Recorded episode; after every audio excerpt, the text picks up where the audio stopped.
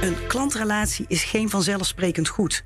Dus blijf daarover nadenken. Over hoe communiceer je, hoe ga je met ze om. Dit is nooit vanzelfsprekend, dit moet je onderhouden. Heel veel organisaties die redeneren nog heel sterk vanuit uh, efficiëntie. En denken heel sterk in ja, wat levert dat dan op? Ja. Wat op zich natuurlijk geen rare gedachte is. Alleen als je vanuit efficiëntie blijft redeneren. Ja, ik weet niet hoe het met jou zit, Donatello, maar ik heb nog weinig uh, efficiënte relaties uh, gezien. dat woord zouden we in een relatie ook niet zo snel gebruiken, hè? Thuis. nee. nee. Heel veel succes. Het wordt je zo makkelijk toegewenst, maar ja, zie het ook maar eens voor elkaar te krijgen. En toch is dat succes binnen handbereik door simpelweg naar deze podcast van Kenneth Smit te luisteren. Je krijgt van de beste trainers praktische tips om direct in de praktijk te brengen. Ik ben Donatello Piras en dit is de podcast tussen kennen en kunnen van Kenneth Smit. In elke aflevering vertellen koplopers over hun successen. Deze tweede aflevering gaat over aanpassend vermogen, want de wereld verandert continu. De ontwikkelingen gaan razendsnel in zowel positieve, maar helaas ook in negatieve zin. En het lukt je als mens lang niet altijd om ook zo snel mee te veranderen en je gedrag erop aan te passen. Maar hoe zorg je er dan toch voor dat jouw organisatie flexibel blijft? Oftewel, hoe wordt en blijf je toekomstproof? In deze aflevering zijn te gast René van Herk, trainer van Kenneth Smit, en Debbie Melis, commercieel directrice bij Bulsink. Welkom allebei. Dankjewel. Dank je. Debbie, ik begreep dat jij eigenlijk zou willen dat deze aflevering anders zou heten dan aanpassend vermogen. Waarom is dat? Nou, ik vind uh, dat het eigenlijk een ongoing proces is. Dus het aanpassen doe je constant. En het is niet een aanpassend vermogen. Het is de flexibiliteit en het meedenken wat je als organisatie eigenlijk moet laten zien. René, wat is in één zin de sleutel tot flexibiliteit? Nou, dat is eenvoudig. Uh, het gaat altijd over het besef dat je uh, je bedrijf moet laten rusten op twee pijlers. Dat is namelijk de eerste, uh, jouw waardepropositie. En in tweede aanleg de definitie van het woord relatie. Oké. Ja, ik blijf dan eventjes bij jou. Kenneth Smit helpt al meer dan 30 jaar medewerkers en organisaties met het vinden van hun weg naar commercieel succes. Dat doen jullie met praktijkgerichte trainingen op maat. Ik haalde net al even de snelle ontwikkelingen aan in de markt, of in de wereld zelfs. En dat het lastig is voor mensen om zo snel mee te veranderen. Ja, hoe krijg je dat dan toch onder de knie? Want het is eigenlijk wel een must natuurlijk. Ja, zeker. Dat zie je ook heel erg goed. Uh, waar je namelijk uh, vaak ziet dat bedrijven door complexiteit van de buitenwereld uh, de eenvoud verliezen. Mm -hmm. wij juist dat gewoon intact te houden door terug naar die basis te gaan, naar de waardepropositie in combinatie met de definitie van het woord relatie. En als je dan de juiste focus te pakken hebt, zorg dan voor het juiste ritme. Als je de juiste focus te pakken hebt, zorg dan voor het juiste ritme. En daarmee bedoel je dat je dat ritme blijft doen. Hè? Want het ritme gaat constant door. Ja, exact. Het, het moet een infinity zijn, waarbij je het uiteindelijk gaat zien. Als wij het simplistisch zou vergelijken met het uh, rijgen van kraaltjes. Is in zekere zin een stomzinnig proces. Maar het einde zul je uiteindelijk een prachtige collier krijgen. Ja. Dat staat synchroon aan succes. Ja, en, en, dan, en dan moet je dat collier, die ketting, die moet je voor ogen houden. Want anders is ieder kraaltje, zie ik bij mijn dochter af en toe, is wel een beetje ja. vervelend soms. Ja, exact. Ja. En Debbie, die zou liever hebben dat deze aflevering dus anders heet. Hè? Denken in mogelijkheden, flexibiliteit, want het is een ongoing proces. Hoe zie jij eigenlijk aanpassend vermogen, René? Nou, dat betekent dat je gewoon van buiten naar binnen moet blijven uh, kijken. In plaats van dat jij uh, puur alleen maar vanuit uh, je huidige paradigma naar de buitenwereld blijft kijken. En die buitenwereld zal veranderen. En met je huidige paradigma bedoel je eigenlijk zoals je het gewend bent. Zoals de bedrijfscultuur misschien al twintig jaar is. Exact. Ja, en dat moet je doorbreken. Nou, dan moet je van bewust zijn. Mensen doen niet bewust dingen verkeerd. Maar je moet juist realiseren van, wacht even. Oh ja. de, de, de variabele zal altijd constante dienen te zijn. Ja, en misschien door het luisteren naar deze podcast dat mensen dan even een wake-up call krijgen. Dat zou natuurlijk mooi zijn. Debbie, jij bent commercieel directrice bij Bulsink, een general contractor. Ja, jullie gaan heel ver in een klantrelatie. Kun je nou een voorbeeld noemen om dat iets concreter te maken? Er is eigenlijk geen mooi woord, Nederlands mooi woord voor Nee, general contractor. Nee. Uh, maar als je het zeg maar plat slaat, dan zijn wij eigenlijk helemaal verantwoordelijk voor de overall coördinatie van projecten in bepaalde segmenten. Dus wij nemen de totale verantwoordelijkheid van het bouwproces tot het eindresultaat en de financiële risico's op ons. En eindresultaat betekent ook inrichting en, en Turnkey turnkey. delivery. Ja. En dan in de segmenten hospitality, leisure, care, offices en uh, retail. Het is nogal een bak aan, eh, aan, aan klanten. En ik heb natuurlijk ook even op jullie website gekeken. Mooie video's van projecten, mooie testimonials. En hierin vertellen jullie klanten en jullie zelf overigens ook over hoe zo'n project is verlopen. Jouw collega Michiel Horsten vertelde erin dat jullie soms tijdens het traject voor uitdagingen komen te staan. Ik ben Michiel Horsten, projectmanager bij uh, Bulsink. De club had ideeën, het museum had ideeën, uh, de mensen die de lichtshow moesten komen maken hadden ideeën. Alleen er was eigenlijk niemand die die ideeën allemaal samen kon voegen. Uiteindelijk ben ik in die rol gekropen. Alle partijen samen te vormen tot één team. Toen het licht aanging, bleek het toch allemaal wel iets een verouderde staat te zijn dan van tevoren werd uh, verwacht. Dus uiteindelijk is de hele verbouwing uitgemond op een complete renovatie. Uh, waarvan we dus een museum hebben gebouwd in het pand hiernaast. En de complete club ook hebben verbouwd om het weer te laten voldoen aan de hedendaagse normeringen. Ja, nou, dat klinkt herkenbaar, neem ik aan, uh, voor jou, Debbie. Het is een voorbeeld van buigzaamheid ten opzichte van jullie klanten. Um, is dit exemplarisch voor jullie bedrijf dat je dus de hele tijd meebuigt?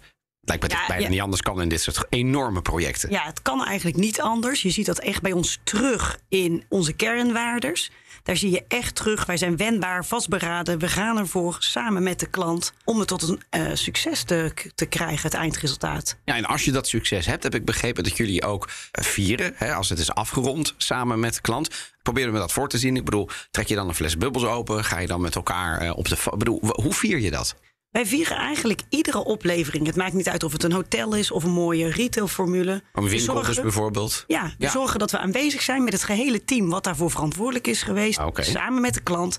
En wij vieren het op maat. Dat kan de ene keer zijn in een, met een fles bubbels... maar dat kan de andere keer zijn met een prachtig diner... of aanwezig zijn met een groot personeelsfeest op de opening van iets. Ja, en, en, en is het belangrijk om dat te vieren? Nou, je hoorde net al van René dat een relatie enorm belangrijk is. Dus het vieren hoort daar ook bij. Bouwen aan je relatie. Ja, en René, waarom is dat eigenlijk zo belangrijk, dat bouwen die relatie? Want het klinkt een beetje als een open deur. Maar tegelijkertijd probeer ik nu te bedenken, waarom is dat dan? En dan moet ik eerlijk gezegd het antwoord een beetje schuldig blijven. Wat is nou de, de, de theorie achter het feit dat die relatie zo belangrijk is? Nou, Donatello, de reden waarom we dat zo uh, willen benadrukken... heeft er alles mee te maken dat als je louter weliswaar onbewust... je zou richten op transactioneel verkopen... Ja. dan ga je voorbij aan een stuk samenhang. En waar je dan uiteindelijk uh, in zal uitmonden... is dat je maar blijft rennen. En in mijn beleving is rennen geen strategie. Ja, dat is vrij bazaal. Dat is erg jammer van je energie. Ja. Het gaat niet om druk zijn immers, hè? Nee, nee, nee. Het gaat om rendement. Ja, en, en kortom, en dan moet je dus die relatie is daarin eigenlijk leidend. Want dan zie je de mens, dan zie je de doelen van de klant, dan zie je dat je samen naar iets toewerkt. Ja, dan geloof je ook letterlijk in dat er uiteindelijk een toekomst is voor ons beiden. En als we maar samen vinden dat die waardevol blijft voor elkaar, ja. Ja, dan zullen wij ook gewoon vinden van ja, we moeten met elkaar blijven optrekken. En wat zeg je dan, René, tegen organisaties, en die ken ik, die ook wel vinden dat zo'n relatie onderhouden best veel tijd kost. Als jij gewoon targets hebt en je moet gewoon rammen als salesorganisatie, ja. Ja, die, die zijn soms niet eens bereikbaar voor, ja. voor een belletje, want die rennen maar door. Ja, ja. ja, wat ik al zei, van, het, het dient dus wel in je DNA van je organisatie te kruipen. Okay. En als de cultuur goed gaat worden, zie je het dan maar als zwaartekracht. Zwaartekracht is er, dat dien je te respecteren. En op het moment dat je gewoon merkt dat je de zwaartekracht zou negeren, uh, negeren ja, daar komt hij terug. Hè? Dan denk ik dat het misgaat met je. Ja. Ja. ja, en datzelfde geldt voor het feit dat je de relatie niet in. in bedoel, wat, wat kan er dan backfire? Wat kan er dan gebeuren als, als, als salesorganisatie of eigenlijk breder nog de hele organisatie? Met een beetje pech ben je alleen maar heel erg druk. Ja. ja. En het gaat om rendement, het gaat om kwaliteit van de relatie. Juist daarom is het heel erg cruciaal dat je gewoon jezelf altijd voor blijft houden. Het gaat om kwaliteit. Ja. En misschien even een persoonlijk verhaaltje wat ik eraan toe wil voegen. Ik praat er liever niet uh, over, maar we weten allemaal uh, dat de laatste twee jaar uh, heeft de crisis ons natuurlijk wel geraakt. Zeker. Nou, wat ik in die periode, toen het allemaal tot stilstand kwam. April 2020. ja, ja. Toen weten we allemaal dat op een gegeven moment in het Westland de bloemen moesten worden doorgedragen. Die konden niet worden geëxporteerd. Nee. Ik besloot op dat moment om met mijn zoon naar een rozenkweker te rijden. Ik ben rozen gaan halen. En ik zou ze uiteindelijk gewoon naar mijn klanten brengen als, uh, laten we zeggen, hart onder de riem. Mijn zoon vroeg toen, voor hoeveel geld hebben we nu uiteindelijk uh, in onze auto liggen aan rozen? En ik zei tegen hem, ik zei dat is voor 1500 euro. Waarop mijn zoon zei, dat is wel veel geld, pa. Waarop ik hem uh, uiteindelijk het antwoord gaf, ik zal je één ding vertellen, jongen. Iedere euro zal renderen. Alles wat je besteedt aan je klanten, zul je uiteindelijk ook oogsten. Vrij bazaal. Ja, een heel mooi verhaal. Ik denk dat het ook heel veel illustreert. Tegelijkertijd denk ik dan, kijk, op het moment dat zo'n klant, hè, dat het niet in het DNA nog zit, je bent deals aan het sluiten en targets aan het halen enzovoort. Uh, is er nou een quick win die je kan doen op het moment dat je naar deze podcast luistert en denkt, hé, hey, ik herken me misschien wel een beetje in dit verhaal, René. Ik ben inderdaad wel heel erg hard aan het hollen. En ik heb misschien die relatie niet altijd eventjes centraal staan in mijn gedachten. Mm Wat is het eerste wat je dan zou moeten doen? Ja, alles begint met uh, besef. Oké. Dus de, dit besef is eigenlijk al stap 1. Dat is al stap 1. Oké. Ja. ja nou, we hebben net mooi gehoord dat nou ja, de relatie centraal moet dat, dat het veranderen en dat het aanpassen, wat Debbie eigenlijk zei, een constante is. Ja, het is tot nu toe een mooi succesverhaal, maar iedereen loopt natuurlijk tegen zaken aan waarbij het fijn is als je even zou kunnen aankloppen bij een professional. En daar hebben we wat op bedacht. De ondernemersvraag. Debbie, zijn er zaken waar je in jouw werk als commercieel directrice tegenaan loopt waar René je bij zou kunnen helpen? Zeker weten. En uh, daar hebben we al een paar uh, sessies samen met mijn salesteam uh, over gehad. Het is heel belangrijk dat je mensen bewust maakt van het, wat, hè, wat zaken doen is. Het is eigenlijk een heel bazaal proces, hè, de relatie opbouwen. Ja. Maar dat je dus eigenlijk in dat proces het onbewust heel moeilijk en complex maakt. En daar moet je vanaf. Dat en doen we onbewust dus. Dat doen we onbewust. Dat soort, oh, is zo lastig en zo goed. Ja. En het is en niet. hangt een target. Maar betekent het dan dat het in werkelijkheid minder gecompliceerd Ja, is? Echt is, waar? ja. En daarvoor ehm, heb ik René gevraagd om te ondersteunen. Om die bewustwording te maken in je team en bij de mensen in het hoofd. Wat is het nou, een relatie opbouwen? En hoe kom je daarin stappen verder? Dan ben ik benieuwd wat dan jouw beste tip is, René, in deze. Want dat complexe herken ik wel een beetje. Ja, inderdaad. Eh, Ik kom even terug op mijn eh, voorbeeld wat ik net gaf. Op het moment dat jij je klantgerichtheid meetbaar zou maken, Ja? dan kom je er vanzelf achter ehm, hoe je dat dan inhoud geeft. Ik zie jou denken. Ja, ik, ik laat hem even tot me, tot me doordringen, inderdaad. Dan, dan kom je er vanzelf achter, zeg je. Ja. Is een beetje als die zwaartekracht. Op een gegeven moment merk je het vanzelf dat het Nou, gebeurt. Kijk, immers, eh, als je kijkt naar meetbaarheid, dan kun je denken in geld. Eh. Het voorbeeld wat ik net gaf, maar je kunt ook denken in tijd. En als ik bij klanten kom en ik vraag aan eh, de directeur: hoe vaak kom jij nou bij jouw belangrijkste relaties? Goeie vraag. dan zie je ze denken en dan zul je heel vaak het antwoord krijgen van ja, eigenlijk vrij, vrij sporadisch. Ja. Oké, je beste Ik zou vaker willen, zeggen ze er misschien wel bij. Ja. En als ik dan vraag van oké, en mocht je daar dan wel tijd voor hebben, wat is dan meestal het gespreksonderwerp? Dan zie je ze vaak zeggen, ja, dan zijn er issues te bespreken. Ik zeg oké, dus je beste relatie, die ontmoet jij als er issues zijn. Oké, dan zie je ze direct denken. Ja. En hier start het besef weer. Ik voel hem ook al. Ja, toch? ja. Ja. Een relatie onderhoud je natuurlijk, eh, lijkt mij, ook in, juist ook in goede tijden. Want dan bouw je die relatie. Zodat je er in slechte tijden ook weer kunt terugvallen. Want ja. Ja. Maar betekent het dan, René, eh, dat als ik het helemaal plat zou slaan. Dat juist als je aan het hollen bent en geen tijd hebt. En bij Bulsing zullen ze het wel herkennen. Want er zijn heel veel projecten die heel veel tijdsintensief zijn.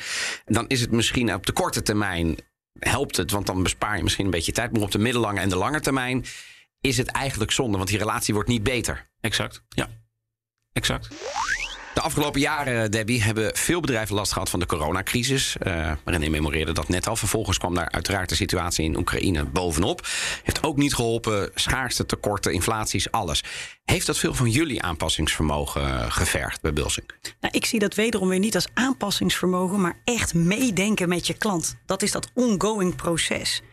En je denkt mee in deze situatie van hoe kunnen we deze situatie nou weer gebruiken om bijvoorbeeld alvast naar de toekomst te kijken of te anticiperen op de situatie. Dus je moet je klant gewoon helpen in het mee laten denken in kansen. Ja, en dat klinkt allemaal logisch wederom. Terwijl ik wel denk, ja, zo'n situatie waar zo'n klant dan in zit. Bedoel, nogmaals, jullie hebben allerlei A-klanten ook in jullie portefeuille zitten. Ja, die worstelen daar misschien mee. Want die denken, oh jongens, we hebben daar nog een zeecontainer. En uh, er is misschien een telecomaanbieder die uh, dingen niet kan leveren. Uh, iPhones die uit China komen. Allemaal heel erg praktische uitdagingen waar ze mee te maken hebben. Waardoor een hoofd helemaal vol zit. Wat kun jij daar dan aan doen als, als partner van deze klant? Nou, dus even terug aan de tekentafel en samen gaan kijken wat kan er wel. Dus als die container niet geleverd kan worden, wat heb je dan wel? En hoe kunnen we dan bijvoorbeeld de winkel wel openen? Oh ja. Zodat je wel gasten ontvangt, zodat je wel de connectie met je eindconsument hebt. Misschien kun je gewoon toekomst bieden aan die klant. Nu wordt dit niet gelanceerd, maar het wordt later gelanceerd. Dus door opnieuw samen te gaan zitten, de situatie te schetsen en te kijken wat wij daar als bijdrage vanuit Bulsink aan kunnen toevoegen, samen toekomst creëren. Ja, mooi eh, gezegd. Terug naar die tekentafel. Even nadenken. Ja, René, op zo'n crisis, uh, zeker een oorlog, uh, hebben wij helaas geen invloed. Toch beïnvloedt het ieders werk. Zeker als het gaat om sales. Hoe kun je nou omgaan met zo'n nou ja, toch een beetje disruptieve wereldsituatie waar, je dan, waar we dan in ons dagelijks werk mee te maken hebben? Ook dit is weer een belangrijk punt waar je uiteindelijk met je, met je team en je organisatie van, van bewust moet zijn. Is dat je, je ongeacht de, de elementen die zich in de buitenwereld afspelen, dat je daar nauwelijks uh, invloed op hebt, zoals je dat zelf al aangaf. Ja. En dus uiteindelijk zul je je moeten gaan richten op de zaken binnen jouw persoonlijke invloedssfeer. Wat kan ik wel veranderen? Persoonlijk, iedere dag opnieuw. Ja, daar Ja. heb je wel invloed op. Ja, een andere ontwikkeling is dat we steeds meer, en daar heeft eh, de door jou aangehaalde coronapandemie natuurlijk ook mee te maken, steeds meer online opereren. Een goede ontwikkeling, denk ik. Het spaart soms tijd, efficiëntie, et cetera. Maar wat we merken is dat niet iedere organisatie daar even goed in is. Is daar nog niet helemaal op ingericht. Wat is nou het belangrijkste waar je rekening mee moet houden in ja, dat online opereren? Is dat je uh, goed moet luisteren naar de jongere generatie die instroomt in organisaties. Die hebben daar een, een totaal andere manier van denken uh, bij. En hoe sterker je uiteindelijk daarin mee wil gaan, betekent dat je het gevecht aangaat met je persoonlijke paradigma's. Ja. Ja, En helpt het dan om bijvoorbeeld wat jongeren om je heen te verzamelen die het meer in hun DNA hebben? exact. exact. Ja? omarm dat. Omarm dat. Uh, kortom, uh, we moeten het omarmen. We moeten soms terug naar de tekentafel. De relatie op de korte termijn is iets heel anders dan die relatie op de langere termijn. Allemaal waardevolle uh, lessen van René en Debbie. Uh, Debbie, tot slot, jouw ultieme tip aan organisaties die misschien op dit moment niet zo flexibel zijn als jullie op dit moment.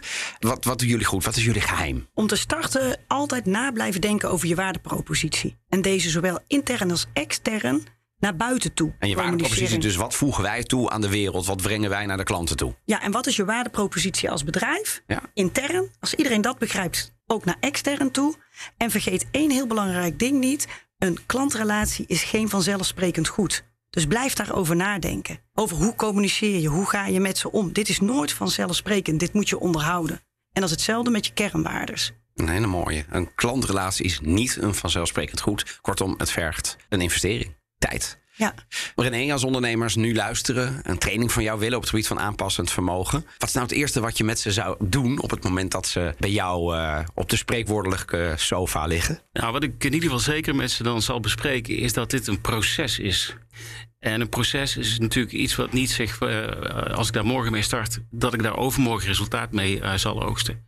Heel veel organisaties die redeneren nog heel sterk vanuit uh, efficiëntie. En denken heel sterk in, ja, wat levert dat dan op? Ja. Wat op zich natuurlijk geen rare gedachte is. Alleen als je vanuit efficiëntie blijft redeneren. Ja, ik weet niet hoe het met jou zit, Donatello, maar ik heb nog weinig efficiënte relaties gezien. Dat is een beetje een, Ja. een, een beetje een rare definitie lijkt. me. Dat woord zouden we in een relatie ook niet zo snel gebruiken, hè? Thuis. Nee. nee. Dus als je dan aan ondernemers vraagt van oké, dan gaan ze vanzelf wel nadenken. Ja. Het is een mooie analogie, het is een mooie vergelijking, want dan realiseer je direct. Ja. Zo werkt het niet, hè? Zo werkt het. In, tussen mensen. Nou, Nee. dus, dus de incubatie, daar gaat het om. En ik kan niet zeggen wanneer die appel van de boom valt. Ik bedank al mijn gasten. Debbie Melis, commercieel directrice bij Bulsink. Dankjewel voor al je inzichten. Niks te danken. En René van Herk, trainer bij Kenneth Smit. Dank ook voor jouw gedachtes. En eh, ik denk dat er een paar eye-openers tussen zitten, René. Oké, graag gedaan. Ondernemers leren graag van elkaar successen. Daar krijg je in de volgende aflevering veel nieuwe voorbeelden van. En hoewel die aflevering Falen als weg naar succes heet, geven we je toch een flinke dosis positiviteit. Wees niet bang. Immers, van fouten kun je ook leren. En hoe zorg je ervoor dat je die fouten ook veilig kunt maken binnen jouw organisatie? Luister naar de podcast tussen kennen en kunnen van Kenneth Smit via jouw favoriete podcast-app. En wil je weten wat Kenneth Smit voor jouw organisatie kan betekenen? Doe dan de business scan op de site en ontdek hoe we jouw organisatie op weg naar de top kunnen bereiken. Kijk op kennethsmit.com. Dankjewel voor het luisteren.